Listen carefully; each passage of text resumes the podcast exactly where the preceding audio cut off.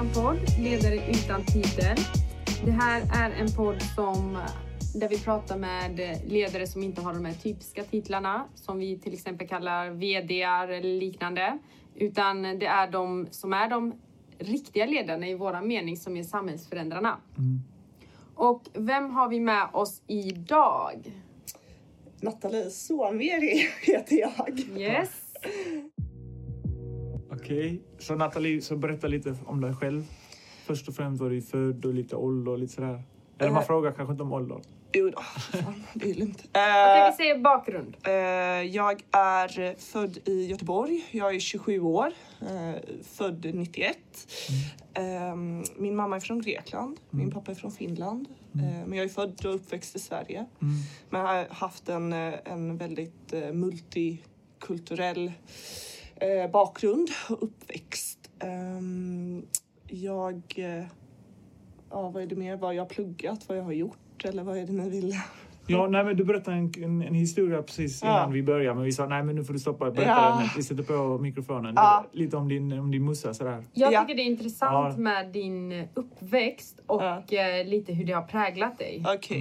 Mm. Eh, jo, min... ehm, I och med, min mamma flyttade upp till Sverige när Mm. hon eh, var ja, 29 tror jag, för, min, för pappas skull. Mm. Kärlekens skull. Pappa bodde här då. Mm. Flyttade hit när han var 11 år från Finland. Eh, och eh, de hade träffats nere på en ö i Grekland, så här, sommarsemester, båtluffat båda två liksom. Mm.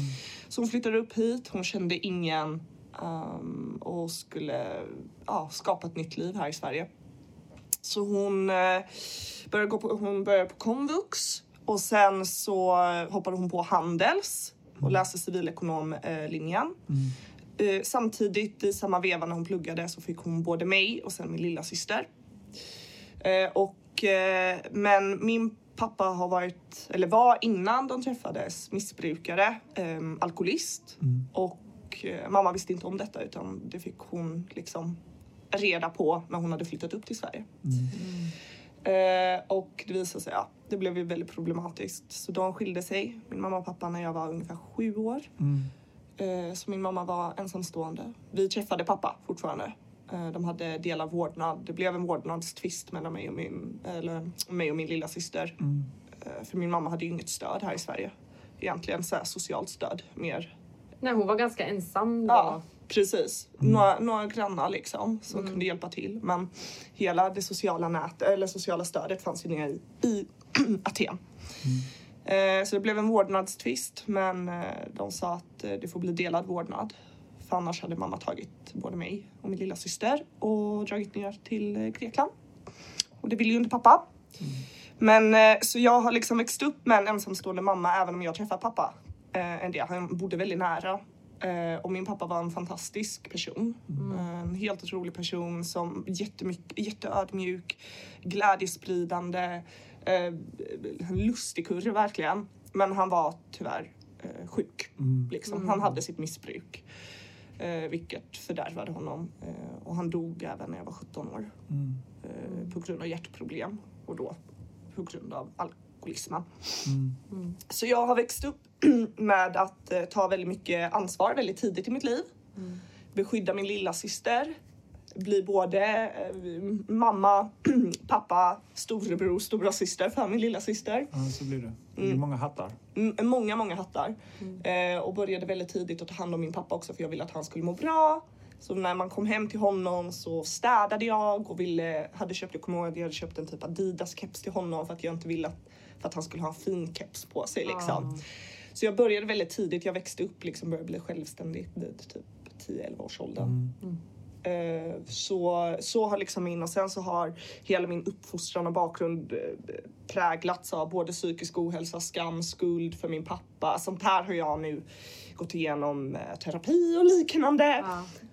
Men då, det var väldigt mycket för en, alltså, alltså ni vet ju själva hur det var att vara i puberteten liksom. Ja, tyvärr. Bara det, bara det är hemskt. Ja, ja, fan alltså. Ja. Ja. och sen så har man allting det på sig liksom. Ja. Så jag fick lära mig väldigt snabbt liksom att eh, ta ansvar och, och lära mig saker om livet ganska Mm. hårt. Ja. Och jag vill ju ha med Nathalie i den här podden. För jag, vi känner ju varandra. Ja. Och eh, när jag tänker på ledare utan titel så är du en av de människorna som poppar upp. För det du eh, gör och har gjort eh, präglar verkligen det här med vad riktigt ledarskap är. Tack. Kan inte du berätta lite om Först lite om din utbrändhet, för den resulterade ju väldigt mycket i vad du gör idag. Mm. Ehm, jag blev utmattad. Uh, alltså officiellt diagnostiserad med utmattningssyndrom var våren 2017. Då arbetade jag på ett uh, bolag uh, inom education technology-branschen och var marknadschef. Eh, och jag var väldigt ung, jag var 24 år när jag fick den här chefspositionen. Jag var väldigt, väldigt ambitiös. Jag hade liksom haft mål efter att jag hade tagit studenten och liknande, gjort allting rätt och sa att eh, jag ska bli chef innan 30 år. Innan jag blir 30 år. Varför jag ville bli chef innan 30 år, det är en väldigt eh, relevant fråga. För, jag, ja, ja, för det, ja, det vet jag inte liksom. Utan det var väl någon slags så här kultur och norm och förväntan liksom. Att det ska gå snabbt och man ska bli chef och framgångsrik snabbt. Chef för dig var framgångsrik. Ja, Ja. att jag hade klättrat snabbt. Det är Ja. så många som eh, tror jag tänker sådär. Ja, ja Som gud kopplar ja. de två. Gud ja. Mm. Och, och då fick jag den. Jag fick den vid 24 år. Och jag var marknadschef och jag var ansvarig för en hel marknadsavdelning och kommunikationen. Yes. i ett bolag liksom. Jag byggde upp en eh, kommunikationsavdelning helt själv. Eh, och jag tyckte det var svinkul och det var liksom så här, alltså, jag hade fria tyglar att göra vad jag ville men jag kunde inte sätta några gränser. Ja. Ja, jag kunde inte sätta några gränser för jag visste inte att jag behövde sätta gränser. Ehm, och jag fick inte heller några indikationer på eller stöd för hur jag skulle eller ett ledarskap för att hjälpa Överhuvudtaget. precis för att hur jag som ung person i en chefsposition eh, och i en, i en startup-miljö eh, ska kunna jobba hållbart. Så efter ett år så sa jag faktiskt upp mig, eller jag lämnade företaget och då var jag diagnostiserad eh, eh, med utmattningssyndrom först och eh, hade bland annat svimmat av utmattning. Jag, jag kunde inte komma upp ur sängen vissa dagar. Jag kunde stå och glo i garderoben för att jag inte kunde ta ut en outfit på 45 minuter. Min kropp bara la av, jag började tappa hår, jag började liksom, jag fick stressexem, jag fick, ja. Jag, Men det- var inte ja. du också i en fas där du, där du hade fått, eller visste att du var utbränd men sa men det är inte så farligt, jag fortsätter lite till. Mm. Ja, jag tror det handlar om, för mig var det att det handlar väldigt mycket om okunskap. Ja. Och jag trodde att jag kunde prestera mig ut. Ja, så, min utmattning, så som jag har gjort med allting i mitt liv. Mm. Från smärta till, jag spelar basket på elitnivå, jag kunde spela matcher liksom. Hade jag stukat en hand eller haft en spricka i min fot, då tänkte jag så här, men pain is on in my head. Ja. Och då kämpar jag och så presterar jag mig ut det, den smärtan. Eh, och samma sak trodde jag att jag kunde implementera på min utmattning, vilket Ja, är kontraproduktivt Ja. som fan liksom. Det går inte. Det är typiskt idrott också va? Ja, att pain is only temporary, Ja. det vet Rabbe Mm. lite. Men jag, jag, jag- jag, blir fascinerad för jag tror många kan eh, alltså, relatera till din, eh, din story. Det, det känns, vad jag hör, att du var chef över andra men du var inte din egen ledare. Nej. Lite. Och det är Precis. kanske detta du behövde gå igenom lite. Gud ja. Ja. Gud ja, definitivt. Alltså jag, var, alltså jag har haft ledarpositioner tidigare. Jag har varit baskettränare. Jag har haft även att jag har sett många ledare, coacher. Jag frågade väldigt tidigt i mitt liv liksom, som tonåring bara så här, varför är den här baskettränaren bra? Och varför är den här baskettränaren dålig? Det är en sak och det vet ju du som liksom, har spelat fotboll hela ditt liv. Ja. Liksom, det finns tränare som är duktiga på sin sport. Men sen så finns det coacher Ja. som kan människor. Och det är Och- det enda det handlar om egentligen. Ja men precis och, det, ber- alltså, och vissa tränare kommer vara jätteduktiga på att vara tränare och andra kommer inte vara så duktiga på sporten Men vad, vad, vad, skiljer dem, vad skiljer dem åt i deras beteende? Alltså vad de gör mellan de här tränarna och coacherna som du såg? Eh, som jag såg inom basketen var liksom att eh, tränarna var ju väldigt duktiga tekniskt. De kunde basket. De kunde kunskapen om basket. Eh, de kunde lära ut också liksom ganska pedagogiskt. Inga, eller ja, beroende på vilken person det var. Men de kunde basket. Men de kunde inte den social, de hade inte den sociala kompetensen för att ta hand om människor. Eh, ta hand om en grupp. Av personer som är ditt lag. Mm. Medans jag hade också tränare som hade den otroliga sociala kompetensen att kunna inspirera och liksom pedagogiskt liksom utveckla ett lag och en grupp mm. människor. Mm. Men de kanske inte var den här gamla elitbasketspelaren och hade den, den tekniska kunskapen. De mm. kunde grunderna. De visste vad de har spelat basket, ja, de kan basket. Mm. Men de var inte världsbäst på det. Nej, de hade inte spelat collegebasket liksom mm. i USA. Eh, det var skillnaden som jag såg. Ja. Men om vi bara går tillbaka till eh, storyn, utbrändheten. Var, yeah. Och sen därifrån. Yeah. För det är väl där vi, eh, därefter som, att, som Silan är väldigt fascinerad av den historien. Vad som hände där. Vad, vad som kom ur det. Yeah. I den situationen. Ja. Eller den motgången. Vad ja, jag, I och med att jag blev utmattad. Jag, först då, som sagt, jag trodde att jag kunde prestera mig ur det. Så det tog mig ungefär lite mer än ett eh, halvår att mm. komma till insikt om att jag faktiskt var sjuk. Det är ändå en bra, alltså en bra tid för att ens bara shit, jag är sjuk. Ja, mm. ja, ja. Så det var mycket trial and errors där. Det var många panikångestattacker. Jag startade bolag och la ner det på ja. kanske fyra månader. Liksom. Ja. Eh, så det, det, jag har gått, det var en väldigt intensiv period. Men när jag kom till insikt om det så började ta hand om mig själv och började, eh, fick väldigt mycket så existentiella frågor och vad är det jag håller på med? Vad är det jag vill? Uh, vad är det som är viktigt för mig? Vad är det jag vill uppnå i livet? Mm. Vilket jävla samhälle lever vi i egentligen liksom? Du började uh, ifrågasätta allting allt. som du hade gjort innan eller? Allt. Mm. Allt. Verkligen allt. Det är jävligt modigt. Ja, ja, alltså det men jag tror att jag tror du vet, behövs. ifrågasätter du inte så kommer du aldrig utvecklas. Ja, och det tror jag många människor går igenom att de bara de här frågorna de, de kommer upp men man bara ignorerar dem och till slut försvinner de och sen, mm. sen är du 60-70 år ja. och tänker vad har jag gjort? Ja men precis. Jag bara har följt strömmen som alla andra och jag har gjort det som förväntas. Du kontroll över ditt sinne. Det... Ja men precis. Jag kände att Um, och jag, jag blir väldigt, sen när jag är frustrerad så blir jag väldigt handlingskraftig. Ja. så jag blev väldigt frustrerad över att jag såg liksom, för så fort jag började öppna upp mig om att jag har varit utmattad, för först såg jag det som ett misslyckande. Mm. Ett individuellt misslyckande, att jag hade blivit utmattad. Tror du att det är vanligt? Ja, gud ja.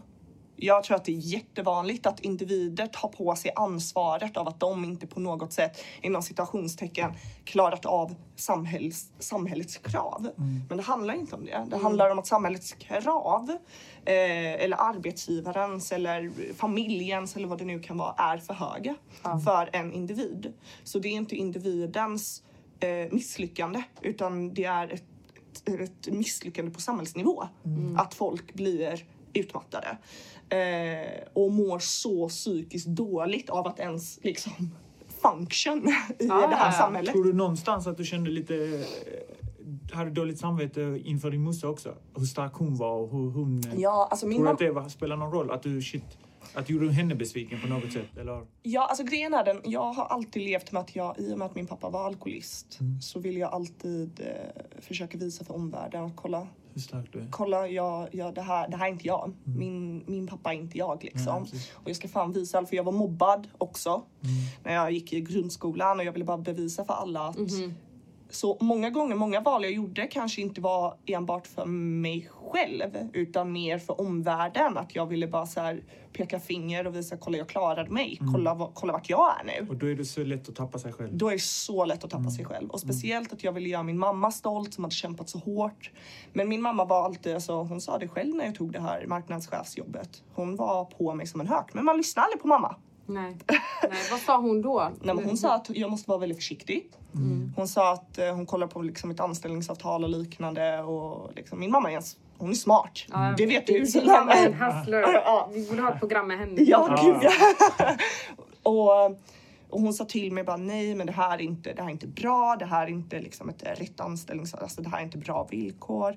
Eh, ta hand om dig liksom. Du jobbar för mycket. Och jag bara mamma det är så här jag måste göra ja. för att ta mig någonstans i livet. Liksom, du vet inte, du är gammal. Typ så. Ja, ja, Man lyssnar inte på sin mamma. Eh, så hon var på mig och hon visste, hon har i flera år sagt till mig du kommer gå in i väggen.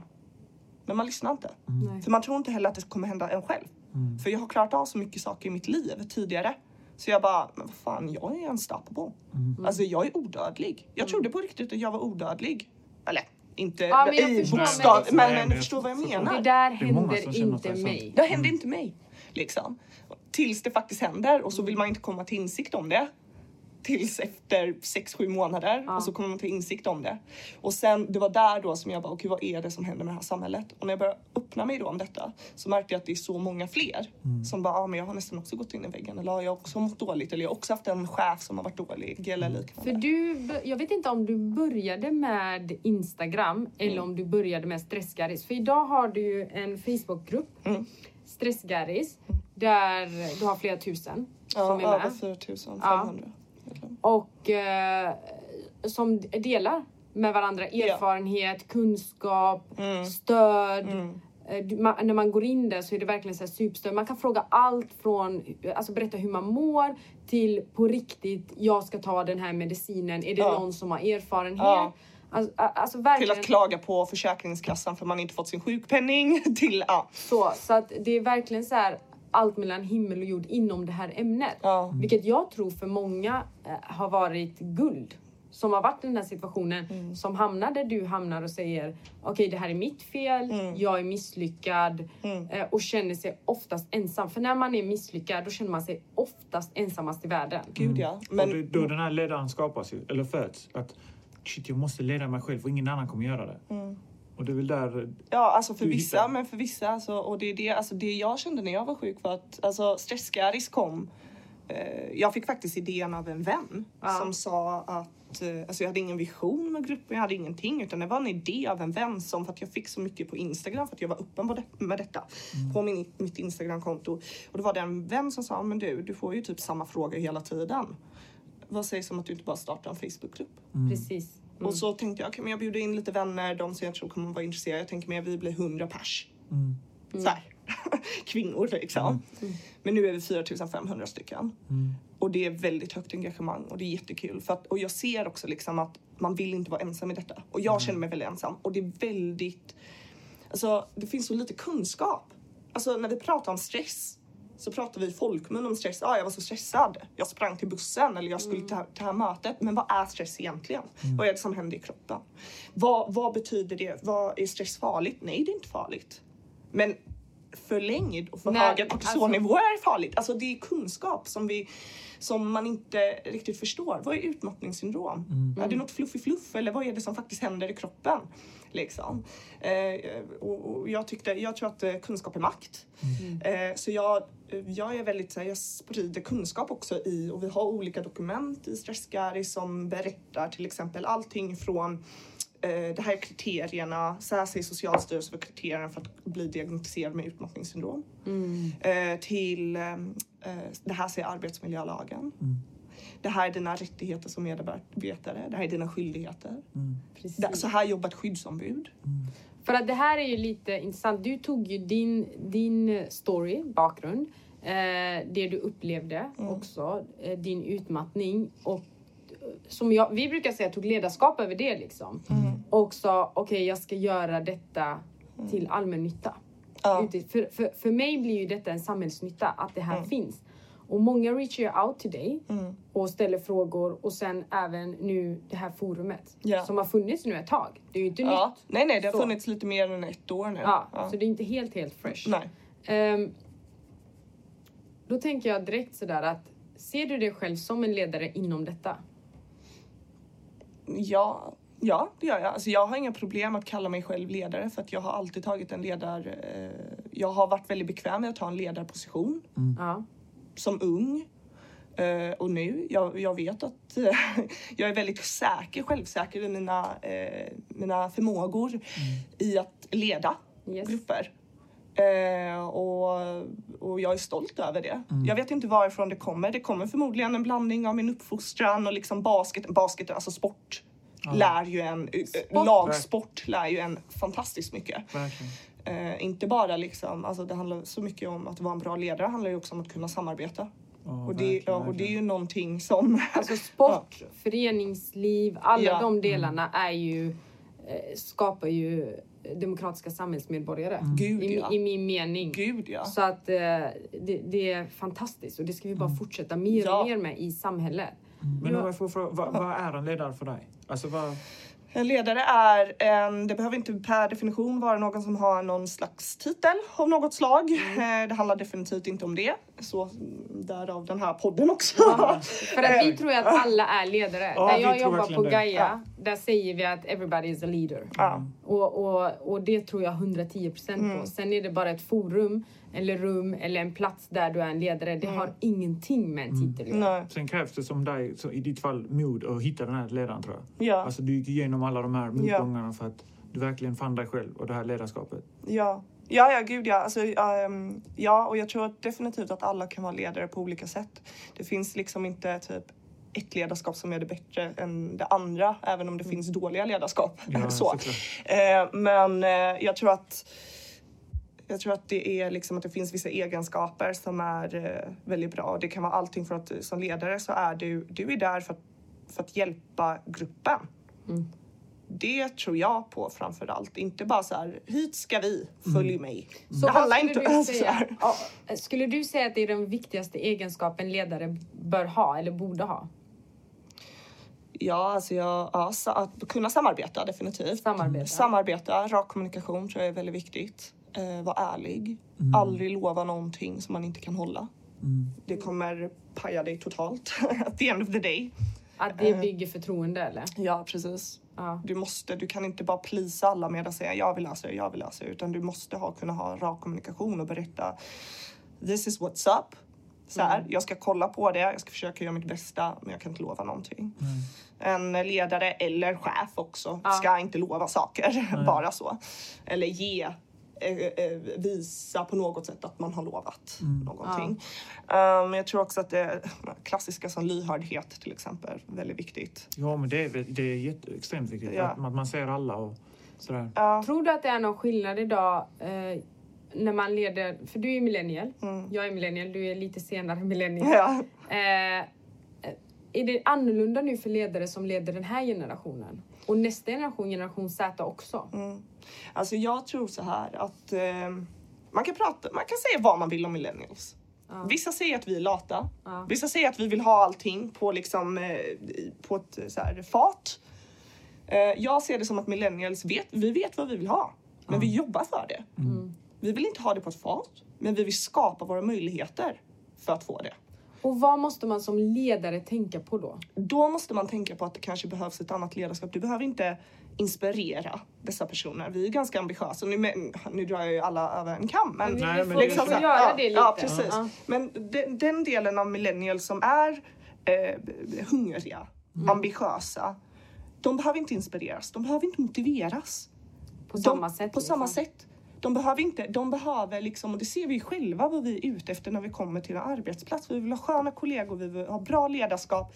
Lönen spelar inte lika stor roll längre för oss. Vi vill göra någonting viktigt. Vi inspirerar och motiverar oss själva. Vi vet vad vi vill ha. Vi, vi har fått de här intrycken från världen, från du vet, digitalisering och teknologin och det ena och det andra. Vi, ganska tidigt. Alltså, du vet, går du och pratar med tonåringar idag, de är mer woke än mig. alltså, så här, ja. De är så otroligt klipska och skarpa. Medvetna. Medvetna. De vet liksom.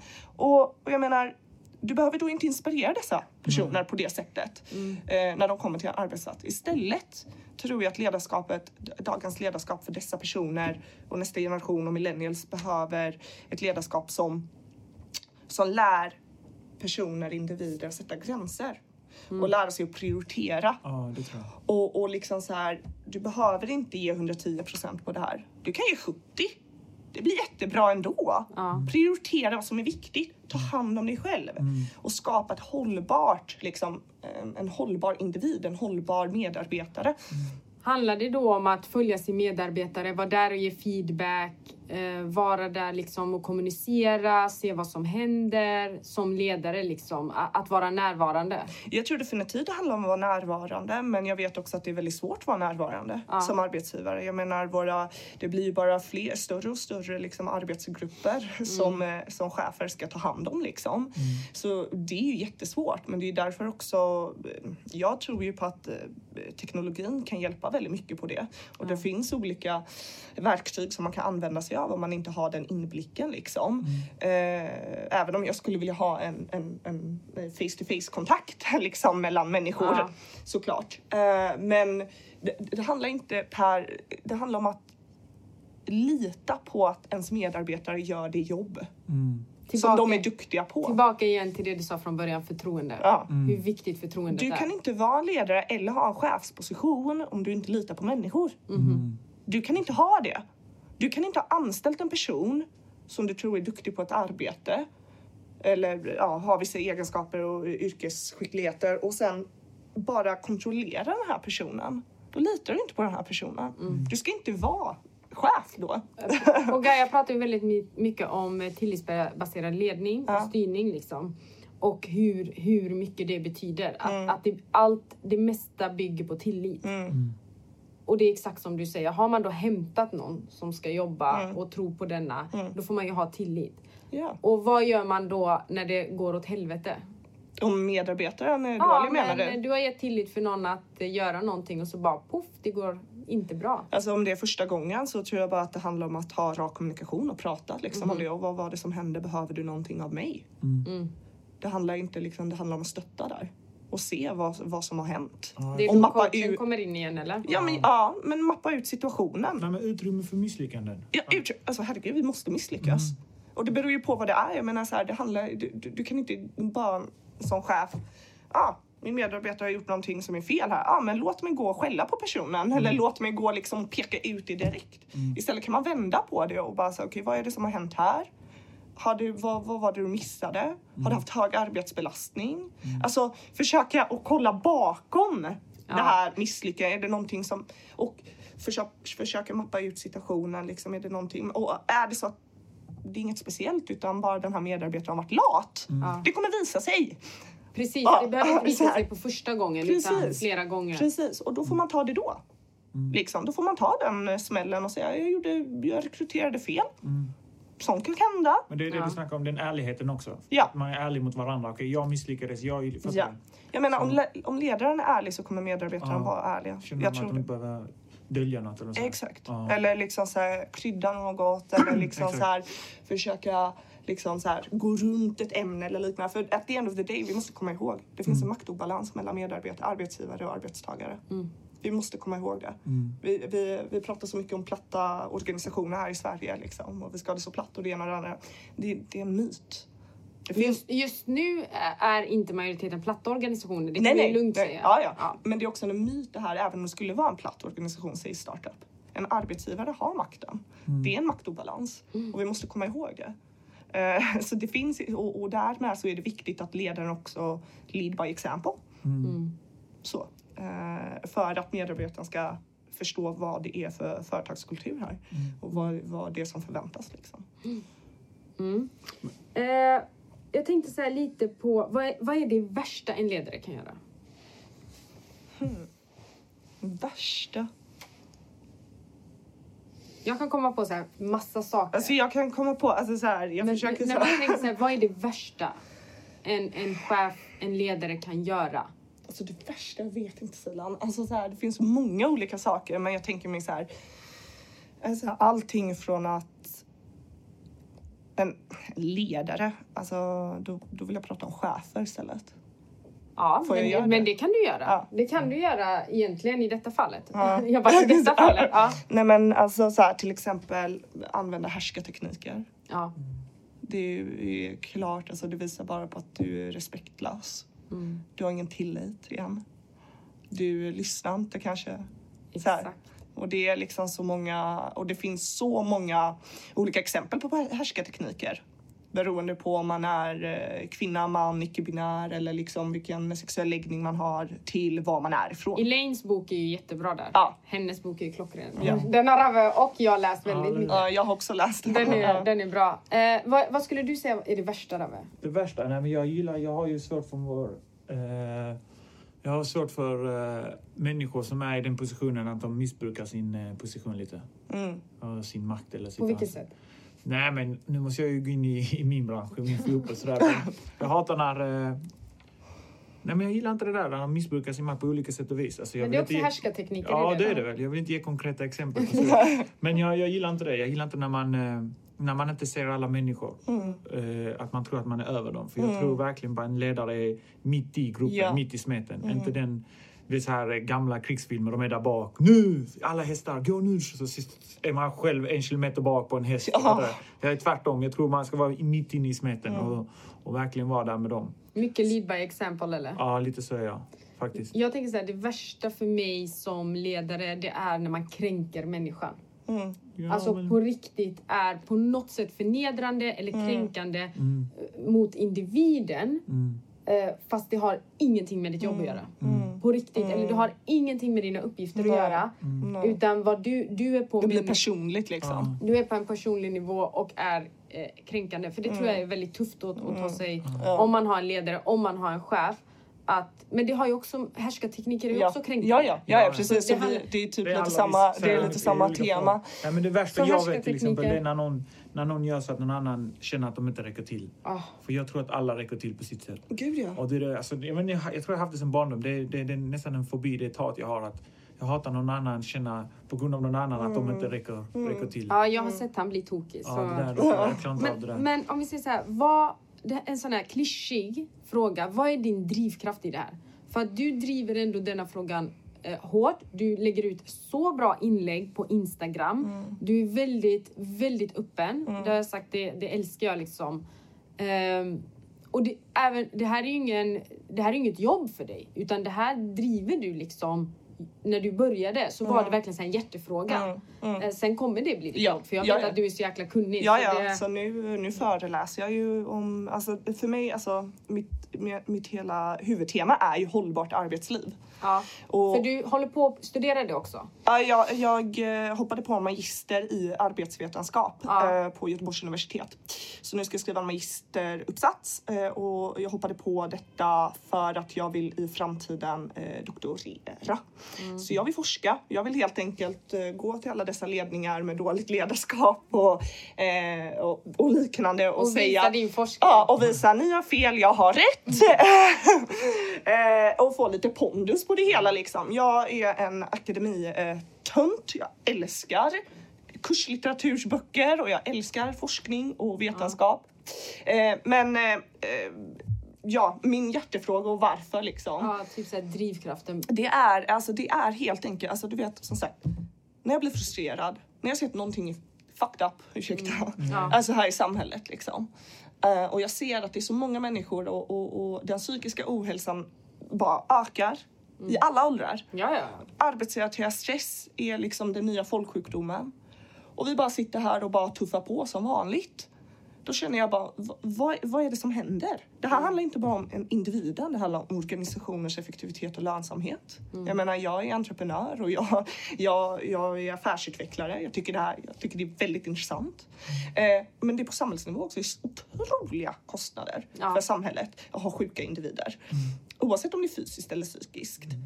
Eh, och, och jag bara känner så här, nej, jag måste jag, jag måste sprida den kunskapen som jag har i detta för jag började läsa på.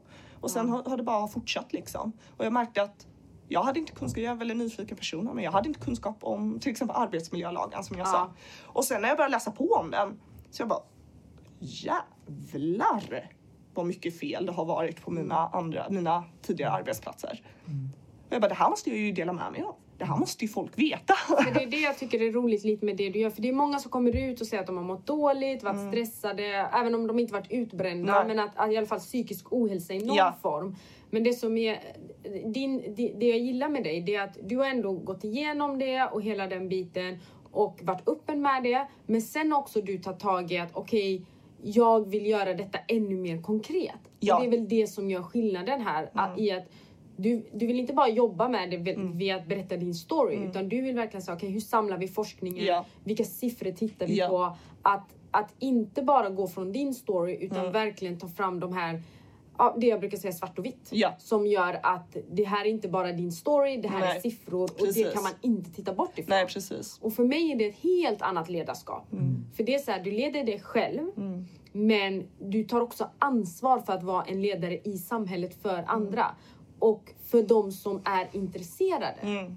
Och jag kan inte tänka mig någon, eh, varken chef eller bolag eller oavsett skola, mm. organisation, förening som inte behöver prata om de här frågorna. Nej, nej, gud. På riktigt nej, alltså. Nej, men min, min vision är ett eh, lyckligt och framgångsrikt Sverige och internationellt sett där vi inte går, alltså det, vår framgång inte är på bekostnad på vår psykiska alltså hälsa. Mm. Alltså vårt psykiska välmående, vår mentala vä- välmående. Alltså det, jag menar, vi lever i Sverige. Herregud, vi har allt. Mm. Allt. Fem snabba där, men no Nej, problem. fem off. Faro, inte fem snabba. För jag är så här, jag, jag möter människan och sen tänker jag bara okej, Ja, nu- ska han vara ledare i podden. Okej. Nej, jag tänkte direkt så här. Du har så mycket energi, du är så här. Men var är din så här zen-mode? Alltså var är du bara så här? Ah, förutom när du sover såklart, men bara totalt avslappnad. I Grekland faktiskt, eh, sommarställe. Vi har ett sommarställe utanför Aten. Där, där är det enda stället i, eh, alltså, jag älskar Sverige, jag älskar Göteborg, jag älskar att bo här men är det någonstans jag kan koppla av så är det vårt sommarställe utanför Aten. Och då åker jag dit i några veckor, Bara- håller käft Mm. och åker, går ner Och läser har jag och lä- jag läser jättemycket och är med min familj och jag går ner, alltså så fort jag hoppar av planet. Mm. Alltså det, det är synd att jag inte kan hitta något sånt här. Mm. så. Eh, men man gör vad man kan. Här i Sverige så spelar jag eh, ett appspel som heter Stardew Valley. och faktiskt PS4 Lego Harry Potter. Då skulle, då skulle verkligen uh, mina barn trivas. Ja, det våra barn. och jag skäms inte. Nej, det är jättekul. Nej, det du ska inte du göra. inte göra. Okej, favoritartist? Artist, oh my god. Oh my god. Uh, Tame Impala. Okej. Ja, eh, så här eh, psykedelisk eh, rock. Det ja, det är jävligt coolt. Han är en riktigt cool och kreativ person. Mm. han, han skapar, han är en person eh, och han skapar all musik själv. Mm. Alla låttexter, producerar allting själv. Och när han åker ut på eh, turné Mm. så bara så här, hyr han in folk som kan spela i bandet liksom. Mm. Ja, så Så han är riktigt så här genius, music genius liksom och jag har väldigt innovativ och cool musik. Grym. Mm. Favoritbok?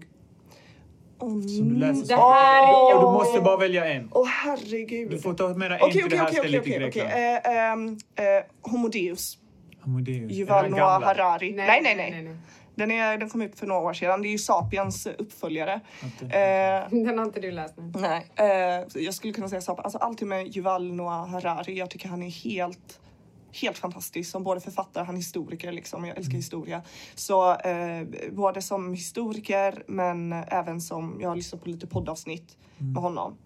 Som himla, ja. Jag vet boss. att du tränar. Ja, Vilken träningsform gillar du mest? Löpning eller styrka? löpning. Löpning. Mhm. Gud, ofta jag sa det. Ofta jag sa löpning. Va? Du börjar växa Wow. på det va? Alltså jag, alltså jag gillar... ja, Men jag är nog trött. Jag, jag gillar styrketräning men jag, nog, Mm. jag har kört i så många år nu så här, och väldigt intensivt vissa perioder. Så jag, Kommer du ja, någonsin bli baskettränare igen? Förhoppningsvis. Yes. Men då måste jag ju nästan fråga, LeBron James eller Michael Jordan?